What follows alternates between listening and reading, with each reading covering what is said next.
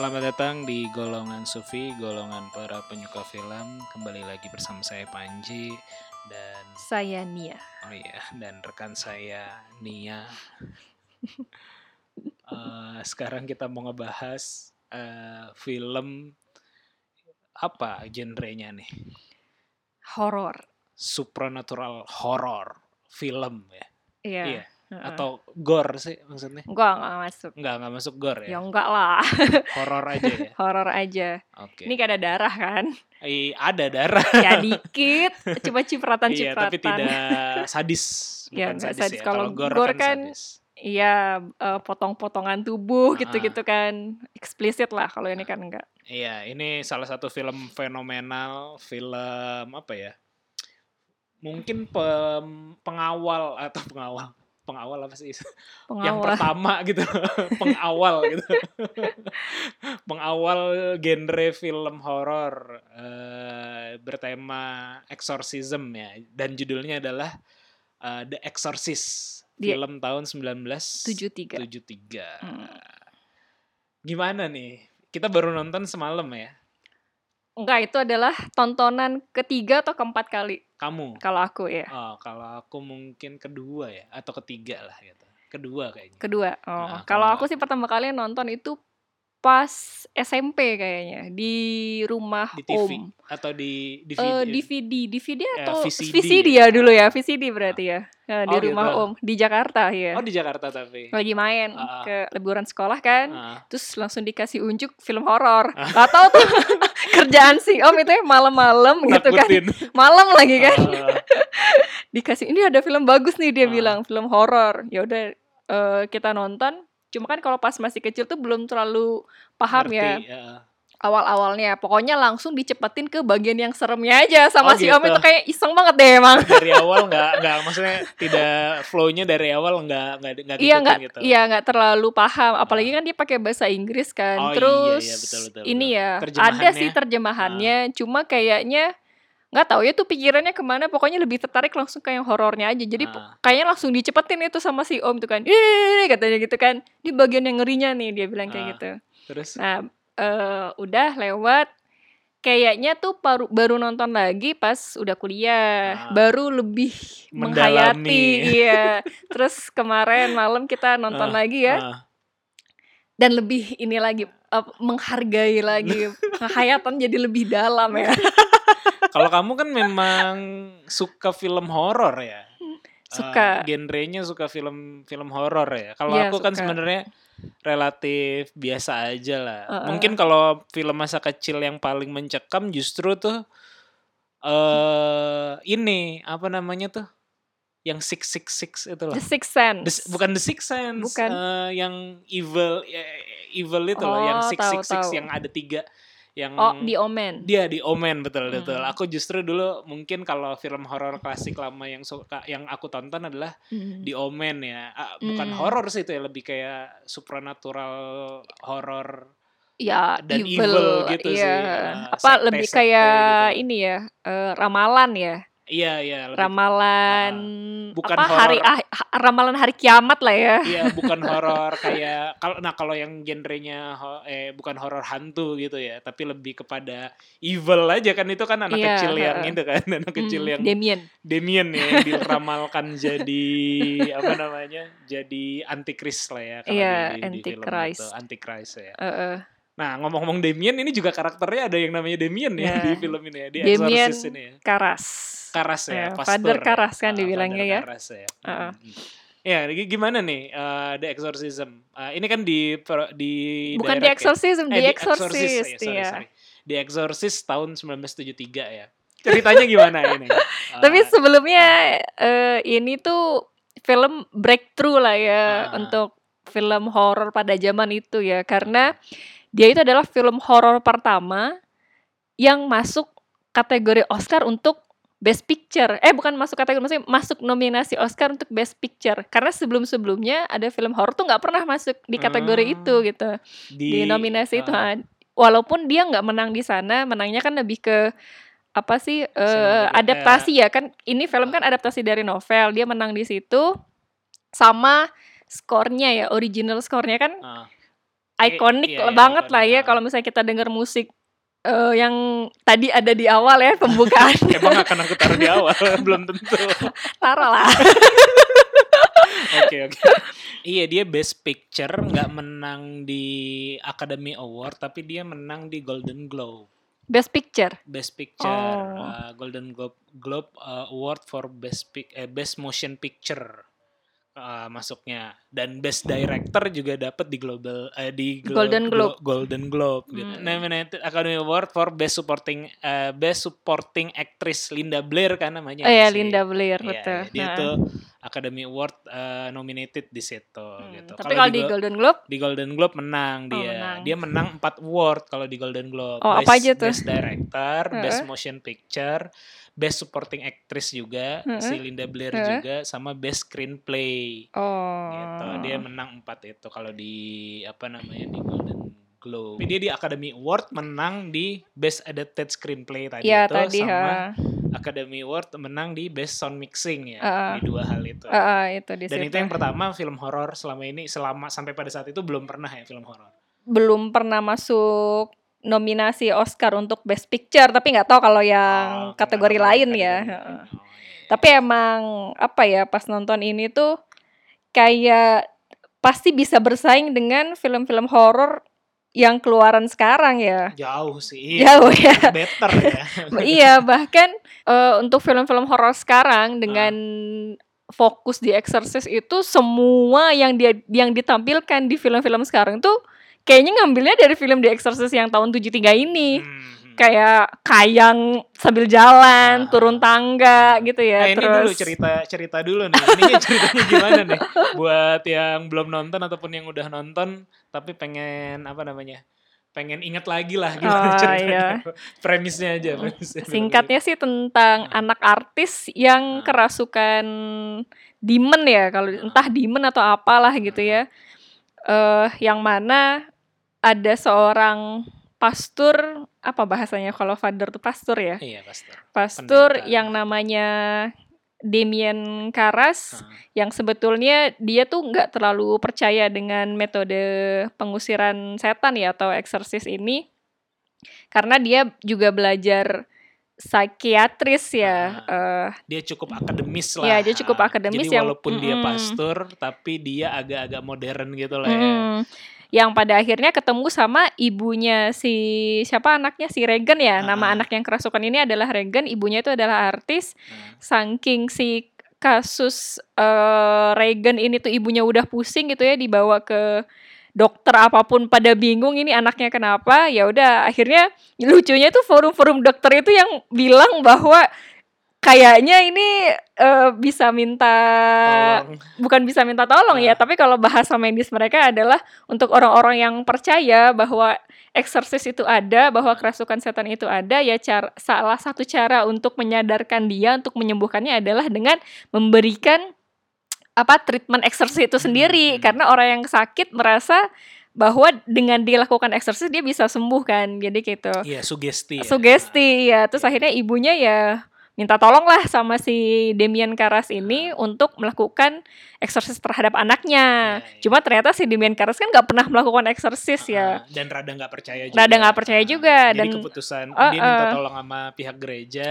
Eh, eh, akhirnya dikirim orang yang lebih capable lah ya. ceritanya. tapi sebelum dia percaya dan nggak percaya kan dia Hmm. sempat nge-record dulu ya bahwa Ah. salah satu tanda orang yang kerasukan itu adalah dia bisa berbaca bisa berbicara bahasa asing Ah, di mana bahasa itu bahasa Latin ya. bahasa Latin atau bahasa asing apa pun Hmm. yang anak at- a- orang yang kerasukan itu nggak pernah belajar bahasa tersebut Iya, gitu iya. kan dan setelah dia yakin lah kayak gitu ya akhirnya kayaknya dia yakin Hmm. bahwa si Regan ini udah kerasukan Sebenarnya kayaknya masih enggak deh kalau aku ngelihat ya, karena bukti-buktinya kalau yang dikumpulkan oleh si Damien ini nggak tahu ya, ini Hmm. persepsi aku ntar coba kamu konter juga. Eh, bukti-bukti yang dikumpulkan Damien ini eh, mas, malah rada-rada abu-abu gitu. Misalnya ketika yang pertama kali dia ketemu eh, si Damien pastor pertama ya, si Hmm. Damien ini ketemu si Regan dikasih eh, holy water kan ceritanya dicepetin Mm-mm. holy water. Dia bilang ini adalah holy water. Hmm. Terus si siapa namanya si Regan itu apa bereaksi demon lah ya demon yang uh, merasuki Re- Regan itu bereaksi kepanasan dan segala Mm-mm. macam gitu. Padahal di belakangan di, di reveal itu sebenarnya bukan holy water ini adalah tap air water biasa, air iya. biasa kayak Tap gitu kan water, tapi iya. kok air keran. air keran gitu tapi kok dia eh, gini jadi kayaknya nggak kesurupan deh kayak gitu terus terus yang kedua adalah kalau ngomongin bahasa lain ketika di reveal ternyata itu kan juga bukan bahasa lain tapi bahasa kebalik ya Hmm. bahasa kebalik gitu Hmm. jadinya eh, ngomong kebalik gitu Hmm. Eh, walaupun sulit juga ya gimana Hmm. direkayasa jadinya Hmm. kalau aku lihat kesimpulannya tuh masih kayak 50-50 gitu Hmm. Cuma pada akhirnya dia ngelihat si Regannya pa- pada saat dia perform ya lihat Regannya bisa melayang lah, Iya. terus apa badannya apa sih di bisa muter kebalik lehernya Iya, kayak gitu. 360 kayaknya di situ dia baru mulai percaya kan. Nah Ah. ya jadi lam- nyambung dulu lagi ya tadi Ah, ah. ya setelah dia mengumpulkan bukti dalam tanda kutip Ah. ya untuk bisa eh, gereja atau apa gitu ya memberikan izin eh, untuk melakukan eksersis. Akhirnya eh, petingginya pada pendiki- petinggi pendeta ya atau petinggi pasturnya itu merekomendasikan Father siapa? Merin ya. Ah, iya Mary Father Merin eh, dan Father Merin ini adalah orang yang pernah melakukan eksersis beberapa tahun yang beberapa lalu. tahun yang lalu ya. Berapa puluh tahun ya kalau di salah. Afrika ya, Di Afrika, ya yang mana? bahkan dikasih keterangan pada saat dia melakukan eksersis itu dia hampir mati kan Iya, gitu ya. Sebulanan bahkan. Heeh, dan emang Oh iya dia dan di awal film kan sebenarnya ada juga cuplikan sedikit tentang si Eh, Father Merin, Merin ini, ini ya, si lagi- Pastor Merin ini Hmm. gitu ya. Itu eh, ketika dia lagi bertugas di Irak ya, di mana Hmm. dia menemukan apa namanya? Menemukan semacam kayak jimat mungkin ya atau pokoknya pertanda demon gitu lah ya kalau nggak salah ya. Mm-mm. dan emang itu tuh ada namanya kalau nggak salah. Oh gitu. Eh, Eh. si demonnya itu. Demonnya itu, ha, demonnya yang di awal film itu Hmm.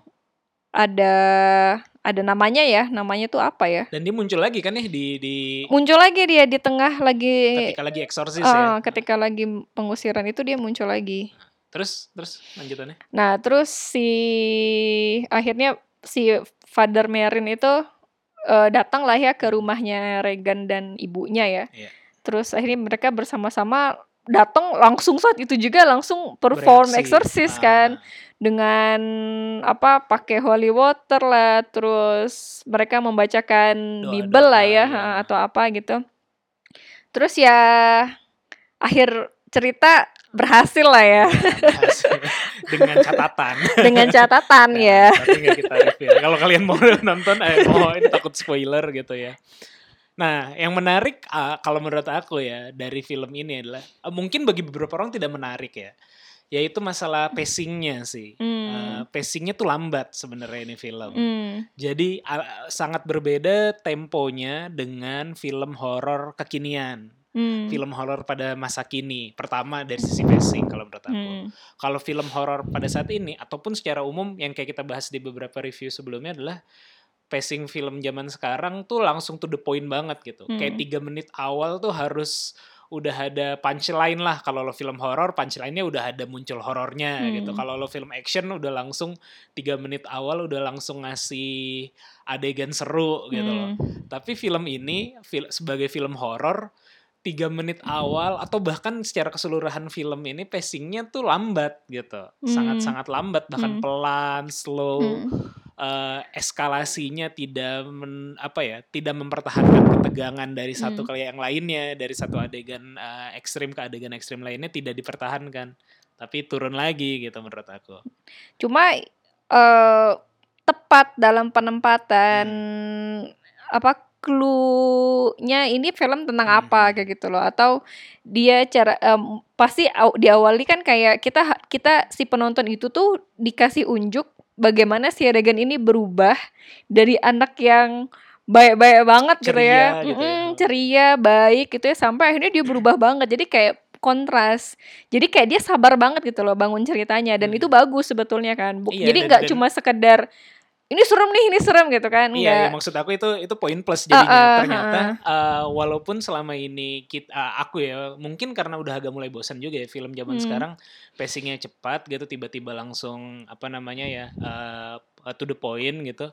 Eh, ternyata nonton dengan kondisi atau dengan pacing seperti itu juga enjoy banget aku semalam tuh Hmm. nontonnya jadi kayak oh iya pelan-pelan dikupasnya dikit-dikit gitu loh. Terus Iya. di di di reveal-nya dikit-dikit gitu Mhm, dikasih mhm. Berta dikasih bertahap banget ya perubahan si Regan Heeh, itu ya? eee, ya walaupun ini supporting actri eee, aktris ya, Hmm. cuman cuman sebenarnya main theme-nya adalah ngebahas tentang eksorsisnya dia kan Iya, sebenarnya. hmm. Jadinya, eee, ya bagus banget gitu menurut Mmm. aku.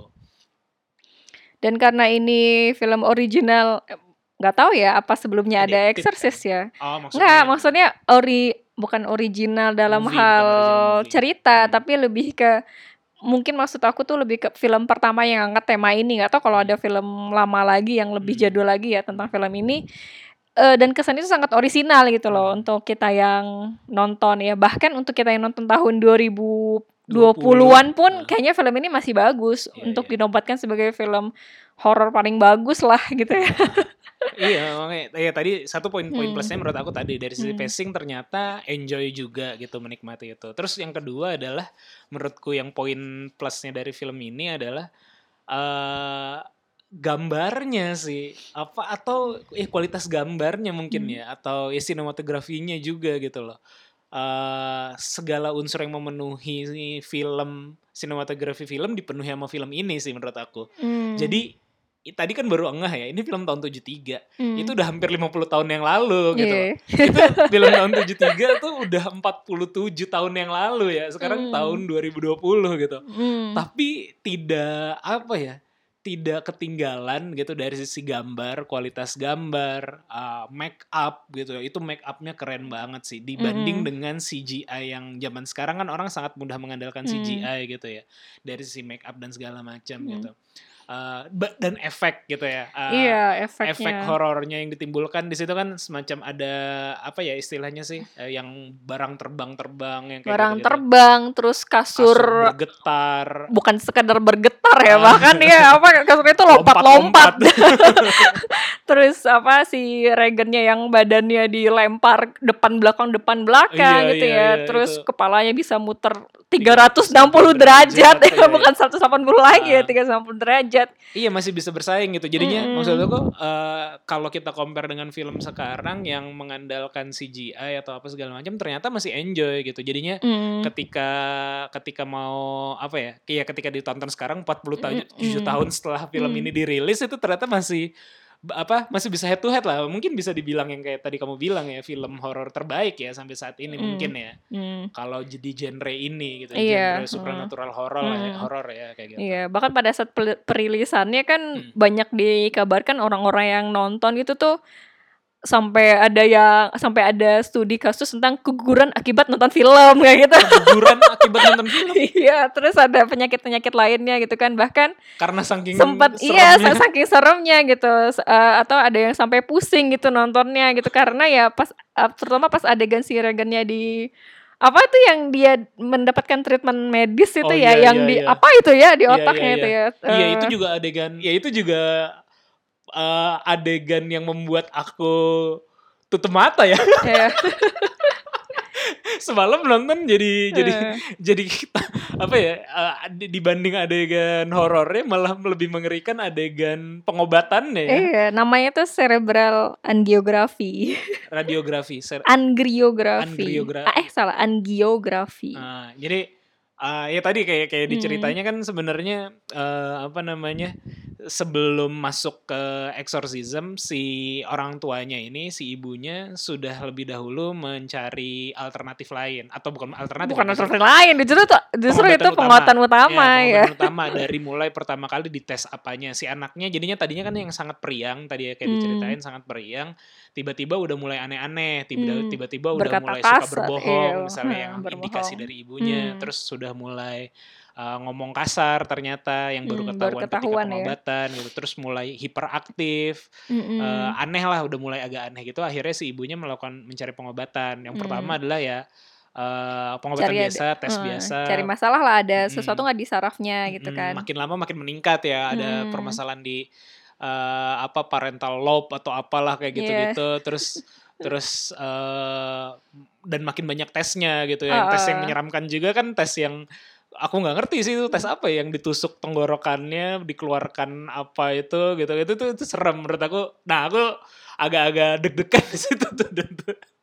Tutup mata pas di situ justru gitu. Justru itu untuk diagnosis kayaknya, diagnosis tentang sebenarnya apa sih yang terjadi di otak. Jadi kalau baca-baca di apa eh, Wikipedia lah ya, Ah. dibilangnya tuh kalau cerebral angiography itu suatu metode untuk melihat gambar di otak kita tentang pembuluh darah yang ada di otak kita. Mungkin dengan Ada cara Ah, atau apa atau gitu. ya mungkin kayak gitu ya. Mungkin kalau ngelihat gimana apa yang terjadi dari situ bisa bisa didiagnosis kira-kira nih anak kenapa kayak gitu kan. Iya, iya, iya. Ternyata setelah dilakukan apa eh observasi lanjutan terhadap si Regan ini kan Hmm. mereka bingung kan kayaknya normal-normal aja Iya, sampai karena akhirnya hasilnya negatif semua. eh, pilihan berikutnya adalah lari ke psikiatris Ah. kan Eh, cuma pas lagi di apa tuh mungkin istilahnya kalau sekarang tuh apa eh, hipnosis ya Ah, sama atau apa gitu ya sama Ah. si psikiatrisnya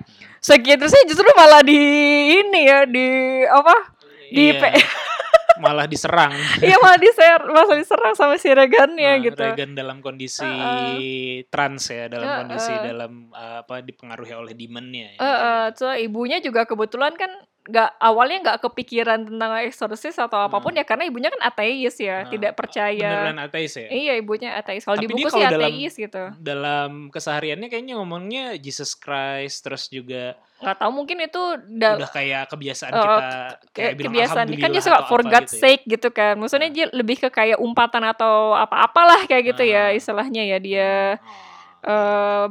Ada itu nggak tahu ya kalau di bukunya sih dia ateis kalau Ah. di film itu kan dia nggak percaya kan dia Iya, tidak beragama lah istilahnya kan disampaikan sama si ibunya sendiri gitu Iya.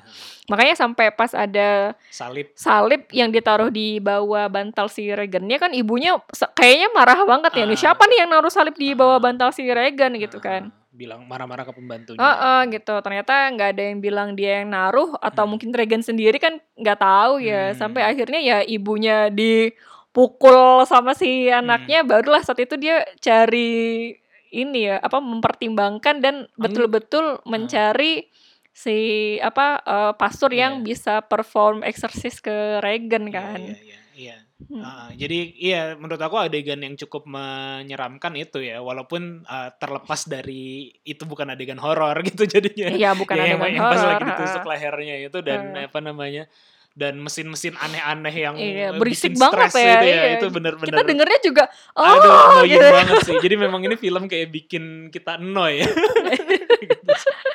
sama adegan yang tentu saja adegan ini sih adegan apa namanya ketika lagi di eksorsis itu sih yang lehernya muter lah kayak gitu gitu Hmm. itu juga yang mengerikan atau bahkan sebelum itu ini sih yang berkesan yang ketika dua dokter itu datang Oh. ah itu juga ngeri sih Iya, ya iya, itu iya, ngeri iya. banget sih dan apa ya oh, oh, ini banget sih apa namanya genuine banget adegan Iya. itu ya kayaknya yang adegan dokter datang tiba-tiba eh, dia nusuk-nusuk itu ya Oh iya, dia Ah. nusuk-nusuk kemaluannya ya dia kan. nusuk-nusuk kemaluannya itu jadi kan itu serem banget dan Oh, sadis pakai dan salib lagi kan dia. Iya, pakai salib Itu lagi Kan kan. tajam. Iya, sampai berdarah gitu kan. Iya. Gak tahu dah itu gimana tuh ntar akhirnya. gila banget itu gitu sih itu, Nah itu. iya adegan itu tuh yang justru bikin orang juga bisa mual-mual kalau pas pertama kali film itu di ini Rilis ya, ya, dirilis tahun-tahun 70-an bahkan sampai ya. Anak-anak itu nggak boleh nonton Hmm. gitu kan. Kan dia apa ya waktu itu dikasih ratingnya? rating Hmm. R atau rating X nggak tahu Hmm. ya bedanya apa juga ya. Apa? Ada tahu saya aku. Eh, itu. dikasih itu sampai juga apa DVD atau VCD ya. Ah. rilisnya itu sampai tahun berapa tuh nggak boleh keluar di Inggris gitu. Saking gitu. film itu tuh eh annoying lah ya. Berbahaya. berbahaya. Apalagi untuk anak-anak ya. Ah, ngeri lah. Ah. kayak gitu Terus adegan, kalau kamu apa adegan yang favorit nih? adegan favorit ya pas dia rem apa eh, menggila. Ya salah satunya adegan yang pas dokter itu dateng. Terus yang pas sebenarnya yang lebih menarik tuh eh, cara dia ngomong dengan suara yang lain yang lebih berat dan kesannya Ah. evil banget itu loh. Jadi teman adegan yang kayak gitu Eh, adegannya kayak gitu. Kalau untuk masalah eh, pengusirannya eh, dia terbang lah atau Oh. palanya muter-muter. Kalau dulu tuh blow belum apa blow. ya mind blowing Hmm. banget kan. Hmm. Kalau sekarang kan aku udah nonton udah aku udah ngeliat itu tiga kali walaupun itu ya memang bagus sih apalagi untuk film tahun 73 tapi eh ini apa yang lebih seneng ya pas dia ini ada apa obrolan antara dia sama bapak Karas itu gitu loh Ah. eh tentang ibunya Karas terus si Karasnya nanya balik kalau kamu memang betul-betul ibu aku maiden name mama aku siapa gitu kan Ah. kayak memang betul-betul dia ya intinya sih kalau ka- kalau berdasarkan Bapak Merin kan bilang apa pun yang dia bilang itu adalah kebohongan Iya, tapi iya. tidak sepenuhnya bohong karena terkadang dia mencampur aduk antara kejujuran ya. dan kebohongan nah itu kan menarik kan Iya, iya, sebetulnya iya. Terus juga pas adegan si Bapak Karas ini muncul, terus kan kita ngeliat kayak ya Allah Bapak, Bapak tuh udah tua banget gitu ya sampai dia Si harus ini Merin. Eh, eh, si Merin itu Ah. kan udah tua, dia ada obat yang Ah. support dia. Jadi kayak ngeliatnya tuh eh a- apa kayak cuma dia satu-satunya bisa perform, tapi dia udah tua gitu Iya, dan iya, eh iya. dapat asistennya yang si Karas ini yang Ah. kayaknya masih galau juga kan di Iya, iya. tengah-tengah dia apa jadi asisten eksersis itu gitu. Ah, Yang akhirnya ya aku ngeliatnya kayak lu nyusahin deh kayaknya iya, iya, iya.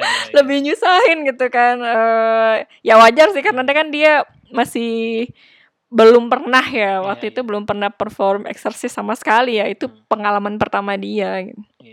Nah iya kalau kalau menurut aku yang bikin film ini bagus eh, mungkin kombinasi karena pacingnya lambat tadi ya. Hmm. Jadi lebih dalam dalam mengenal karakter. ya Pertama iya, betul, kita betul. mengenal si karakter si Merin eh, dulu. si Merin dulu. Oke, si Ah. Merin bahwa dia memang ada penyakit itu kan udah dimention dari eh, scene awal ya, tiga menit awal tuh udah dikasih Iya. tahu gitu. Hmm. Kar- ketika lagi di dia di Irak kayak gitu dia udah mulai minum obat. Yang lebih dalam justru eh, si siapa namanya Eh, si Regannya sama si Hmm. Karasnya Hmm. kan. Si Regan tapi ini titik kan beratnya kayaknya ke Karas ya Iya ya tokoh Hmm. utamanya ya tokoh Hmm. sentralnya Hmm. gitu ya. Eh, si Regan udah mulai kelihatan tadi bahwa dia periang lalu lihat perubahannya Hmm. sebagai objek di film ini udah udah udah kelihatan dan dikasih background gitu nggak cuman sekedar keluarga punya anak anaknya kesurupan kayak gitu aja tapi Hmm. ini lebih ke anaknya memang iya kita juga sempat dibikin ragu bahwa apakah ini beneran kesurupan atau permasalahan mental karena kan Hmm. dia orang tuanya cerai ya Lalu dia sempat nguping obrolan ibu, bapaknya yang Hmm. berantem via Hmm, hmm, telepon kayak gitu. Jadi mulai Iya, betul mulai betul, betul. dibikin ke arah sana gitu. Per- Hmm. Apa si uh, direkturnya mencoba membelokkan kita ke arah sana. Walaupun sebenarnya pun ini sampai akhir ya, bahkan tadi aku baca juga di beberapa referensi, sampai Hmm. akhir masih ada yang menganggap ini uh, nggak genuine horor-horor juga gitu. Ada Hmm. unsur psikologinya juga kayak hmm. gitu hmm. itu satu sisi yang bikin-bikin itu terus sisi Hmm. lainnya adalah sisi sisi Karasnya juga kan dia bukan sekedar pastor atau uh, father yang bisa yang yang sekedar akademis aja gitu bukan yang sekedar uh, orang agamis dan sekaligus akademis dalam satu orang tapi dia Hmm. juga punya konflik uh, batin sendiri Hmm. terkait dengan ibunya yang meninggal, ya Meninggal, pada kayak saat gitu. dia ada tugas, tugas Heeh. bahkan kan ada adegan ada scene uh, dia ngadu ke salah satu temennya yang gue lagi ada masalah sama fate gue nih kayak Hmm, gitu iya, lagi futur juga. lah kalau di Islam gitu kan Iya, lagi lagi, futur. lagi lagi dalam keadaan apa namanya uh, lemah iman lah ya dalam Heeh. dalam konteksnya si Heeh. si Karas itu Hmm. Uh, makanya ketika pertama kali si apa si ibunya Regan ini uh, konsultasi ke dia malah sarannya dia sebagai pendeta aneh Heeh. lo anak lo harus diobservasi satu bulan nah, kita lihat dulu bagaimana keadaannya Dua gitu. bulan apa satu Iya bulan ya? berbulan-bulan lah Eh. harus diobservasi gitu. Nah, Eh. emaknya eh, ngamuk di situ kan. Eh. Lu gimana? Gue udah ke ribuan dokter, ke ribuan psikiatris yang udah gue temuin dan semua rekomendasinya ke lo gitu Iya. kan. Ke, ke, Ke metode ini metode gitu kan. exorcism Heeh. gitu. Sekarang lo muncul malah nyuruh gue balik lagi ke yang dulu gitu. kan, Heeh. gitu. Iya, Jadi- iya, iya. Kenapa tadi aku bilang pacing ini bagus? Karena kadang-kadang pacing lambat juga bikin film gak bagus kalau sekedar lambat aja Hmm, gitu. Tapi Cuma ini dia emang menanamkan cerita ya. Iya betul menanamkan kita lebih empati sama karakternya gitu kan. Mm-mm. Kenapa si Karas bisa berpikiran seperti itu kita jadi tahu. Kenapa Mm. si ibunya ngambil keputusan untuk exorcism yang pada Mm-mm. saat itu nggak populer bahkan mungkin sampai sekarang nggak populer itu jadi Hmm. jadi menarik menurut aku sih eh, itu ya. Jadi pacing lambat tadi mungkin aku revisi ya pacing lambat dan karena pacing lambatnya bisa dimanfaatin dengan mengisi konten yang tepat kayak gitu sih gitu. Jadi nggak Hmm. nggak hanya satu sisi aja lah kayak gitu sih. Hmm, Itu hmm, menurutku yang hmm. bagus ya. Hmm, hmm, hmm. Nah, kalau ngomong terus ini eh ini tadi ya jadi poin ketiga ya kenapa film ini bisa dibilang film terbaik horor sepanjang masa ya menurut kita ya. Hmm. menurut kamu nggak? Masuk sih, masuk. Nah, yaitu adalah karena eh, selain yang tadi ya di awal-awal disebutin, Hmm. karena film ini jadi membentuk film-film horor Berikutnya, berikutnya Hmm. gitu kan. Adegan eh, apa namanya? eh, semuanya lah. spider walking itu Oh, kan. iya. Eh, spider apa apa sih itu istilahnya? Spider walking ya. Kayak kayang itu lah. Iya yang kayang jalan Heeh, kebalik kayang itu. terus jalan, iya. Heeh, terus juga Badan yang bisa men- menekuk secara tidak wajar Ah, gitu kan, kayak tekak-tekuk, gitu-gitu. tekak-tekuk, iya gitu. itu Terus sih itu kan jadi kayak andalan film zaman sekarang ya film horor zaman sekarang Mm-mm, ataupun mm-mm. beberapa tahun terakhir itu Mm. jadi ya kalau hantu tuh jalan jalan dengan eh, apa namanya dengan kayang atau spider walking itu Mm. gitu kan jadi jadi ini jadi Mm. membentuk film-film berikutnya gitu hmm, tapi aku nonton ini tadi baru nonton behind the scene-nya Eh, sebenarnya di behind the scene-nya tuh adegan banyak sih behind the scene yang aku tonton ya Hmm. termasuk yang di kasurnya gerak-gerak itu mekaniknya tuh hmm. rumit banget itu karena kan di belakang dinding tuh ada mekanik yang eh, Hmm. yang gerakin ininya Hmm. termasuk pembuatan leher muternya itu Hmm. kalau diperhatiin detail tuh eh, apa eh, kalau itu itu itu kan boneka jadinya ketika Hmm. leher muter tuh boneka Hmm. tapi yang bikin dia real satu pertama make up Hmm. yang kedua adalah matanya tetap gerak jadi ketika habis nengok itu Oh. muter 360 derajat Heeh. mata mata bonekanya tuh eh, atau mata si Regannya tuh Hmm. gerak tapi itu boneka gitu kan jadi Hmm. temen kita jadi tersugesti oh ini beneran karena matanya gerak dan yang Hmm. ketiga yang paling ultimate adalah kok nafas Oh iya. jadi itu sublime kan dari awal kita datang ke apa digambarkan di film itu kalau masuk ke ruangan Dingin. jadi kelihatan nafasnya Iya, gitu kan Eh, hmm. nafasnya berembun gitu Hmm, hmm, nah itu juga dipakai jadi ketika boneka itu nengok hmm. matanya gerak ada nafas dari boneka tersebut jadi kita, jadi kita realistis banget oh iya, ini orang beneran nih yang kepalanya muter Hmm. gitu padahal itu boneka gitu jadi Hmm. uh, ya itu itu mekaniknya Hmm. bagus eh, kayak gitu sama Hmm. behind the scene ini behind the scene ketika dia turun tangga, tangga Hmm. dalam keadaan spider walking Hmm. itu nggak diliatin kan di film di film tuh nggak diliatin jadi tiba-tiba ada dia muncul aja lalu di bawah dan Hmm. memuntahin air kayak gitu Ada dia jalan bentar kok. Iya tapi sedikit. Iya, gitu. dikit Sedangkan emang, di behind the scene di syuting aslinya itu Heeh. kelihatan bener Oh, eh, sampai heeh, turun gitu. heeh. Bagus sebenarnya. Cuman si eh, apa ya eh, salah satu timnya mereka eh, director eh, bukan director eh, ininya lah ya pokoknya bagian eh, videografinya gitu Mm-mm. eh, khawatir karena talinya kelihatan gitu. Oh, Karena ada gitu. kawat yang kelihatan karena itu nggak bisa dibuat eh, tanpa kawat lah dengan Hmm. kawat pengaman kayak gitu-gitu gitu. Walaupun si ceweknya itu kayak yang beneran gitu. Hmm. Kayak beneran tapi walaupun turunnya tapi harus pakai kawat. Pemeran gitu. pengganti atau asli tapi? Eh, kayaknya pemeran pengganti deh. Aku nggak Hmm. lihat, nggak diliatin mukanya juga Iya ya. pas juga kan he- apa makeupnya tebal juga ya pas dia makeupnya tebal jadi berubah itu ya. pas dia Hmm. jadi berubah Hmm, gitu. hmm. Jadi eh, apa namanya pas adegan turun itu jadi di-cut. Padahal eh, pas aku nonton itunya dan aku baca komentar-komentarnya juga, komentar-komentar orang di yang mengomentari video behind the scene turun tangga itu, Hmm. lo terlalu khawatir kita nggak ngelihat kawatnya. Jadi harusnya tuh dikasih lihat aja biar nambah eh, apa efeknya gitu, nambah Hmm, efek hmm. ekstrimnya gitu kan. Jadi Hmm. tapi- jadi tapi si audio si videografernya tuh saking khawatirnya udahlah kita cut aja lah langsung muncul ke situnya gitu. Padahal Hmm. kita kalau kalau itu dikasih lihat kita pun nggak nggak akan Hmm. curiga segitunya gitu karena Iya udah kan kita udah terfokus sama dia Iya, ya betul, gitu. sama Kecuali orang yang gitu. betul-betul nyari-nyari kesalahan ya. Ya, nggak kayak Wiro Sableng lah yang kelihatan banget itu Talinya lagi- iya. terbang-terbang gitu loh. Itu itu karena nggak jadi begitu gitu ya apa Hmm. niat banget sih ini ya timnya Hmm. tim produksinya tuh niat Hmm, banget sih untuk hmm. untuk eh, untuk nge-build eh, properti ataupun Hmm. ya biar gambarnya kelihatan bagus kayak gitu sih. Tapi BTW semua film horor yang masuk ke dalam kategori bagus secara umum lah ya orang tuh pasti kayak based on true story semua gak sih? Atau based on sesuatu lah. Kalau ini kan berdasarkan novel kan, karena novel ya dia banyak bahan gitu loh untuk ngangkat ini Hmm. jadi film. Jelas semuanya kan tertata rapi.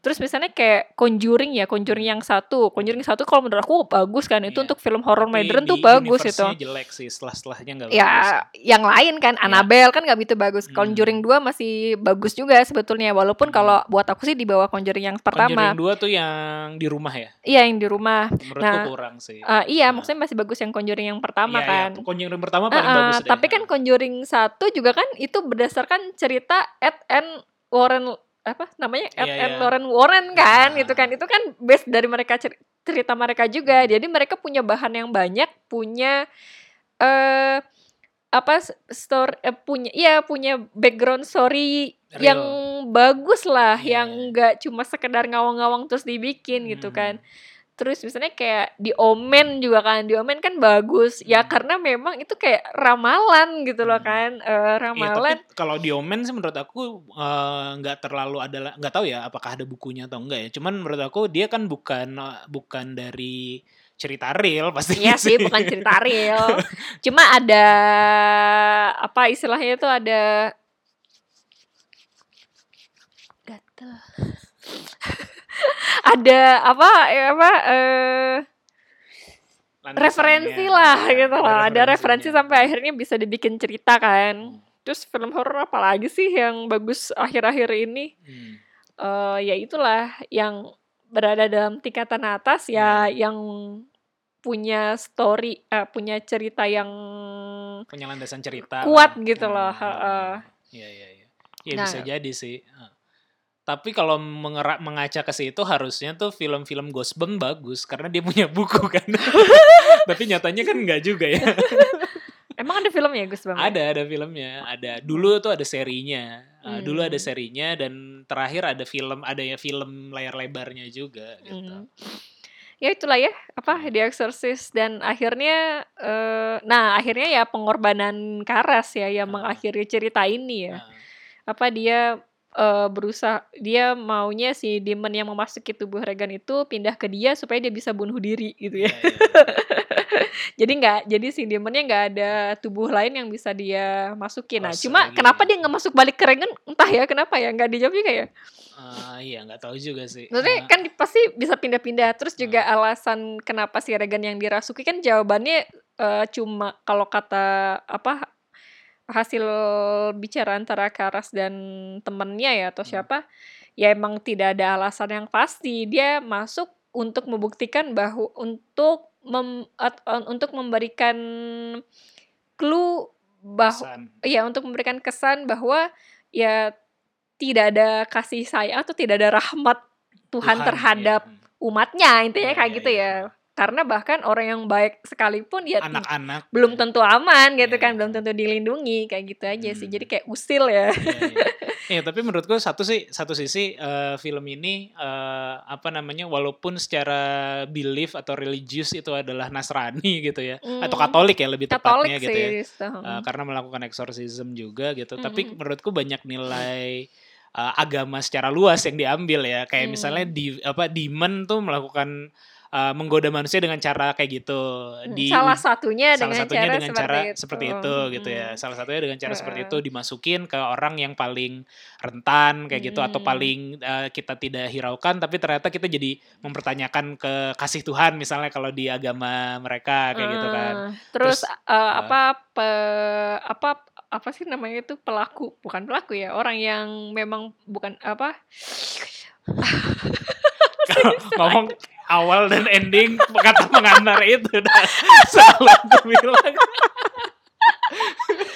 ya ustadz lah maksudnya ini Ah. orang-orang yang dianggap ilmu agamanya tinggi gitu ya orang yang dijadikan acuan untuk bertanya Hmm. atau pemimpin umat ya istilahnya kayak gitu ya iman bisa goyah juga gitu kan Iya, ya iya, iya. terus ya Ah. per- sampai sekarang Ustadz juga bisa kan ya goyang juga ya Iya, pastor di situ bisa eh, juga terus juga ya lemah. adanya sampai sekarang juga terjadi ya perbenturan antara ilmu Hmm. medis dan agama agama Ah, misalnya kayak gitu dalam iya. hal ini tentang pengusiran setan kan kalau Iya. sekarang juga kan untuk orang yang nggak percaya Tuhan kalau di agama Islam Eh, ya mereka mana percaya dengan rukiah gitu kan Ah. sedangkan kalau kita orang Islam sendiri ya kita percaya dengan rukiah ah. jadi bahkan eh, psikologi Islam pun sekarang mungkin lebih Modern. menantang ya, Ah. eee, karena di satu sisi mereka belajar ilmu psikologi yang mana landasannya itu adalah, Modern liberal ya ya, iya, iya. heeh, ilmu-ilmu kayak gitu, dan ditambah dengan embel-embel kata Islamnya itu sendiri gitu, yang mana pasti ada metode ruqyah yang kalau orang psikologis,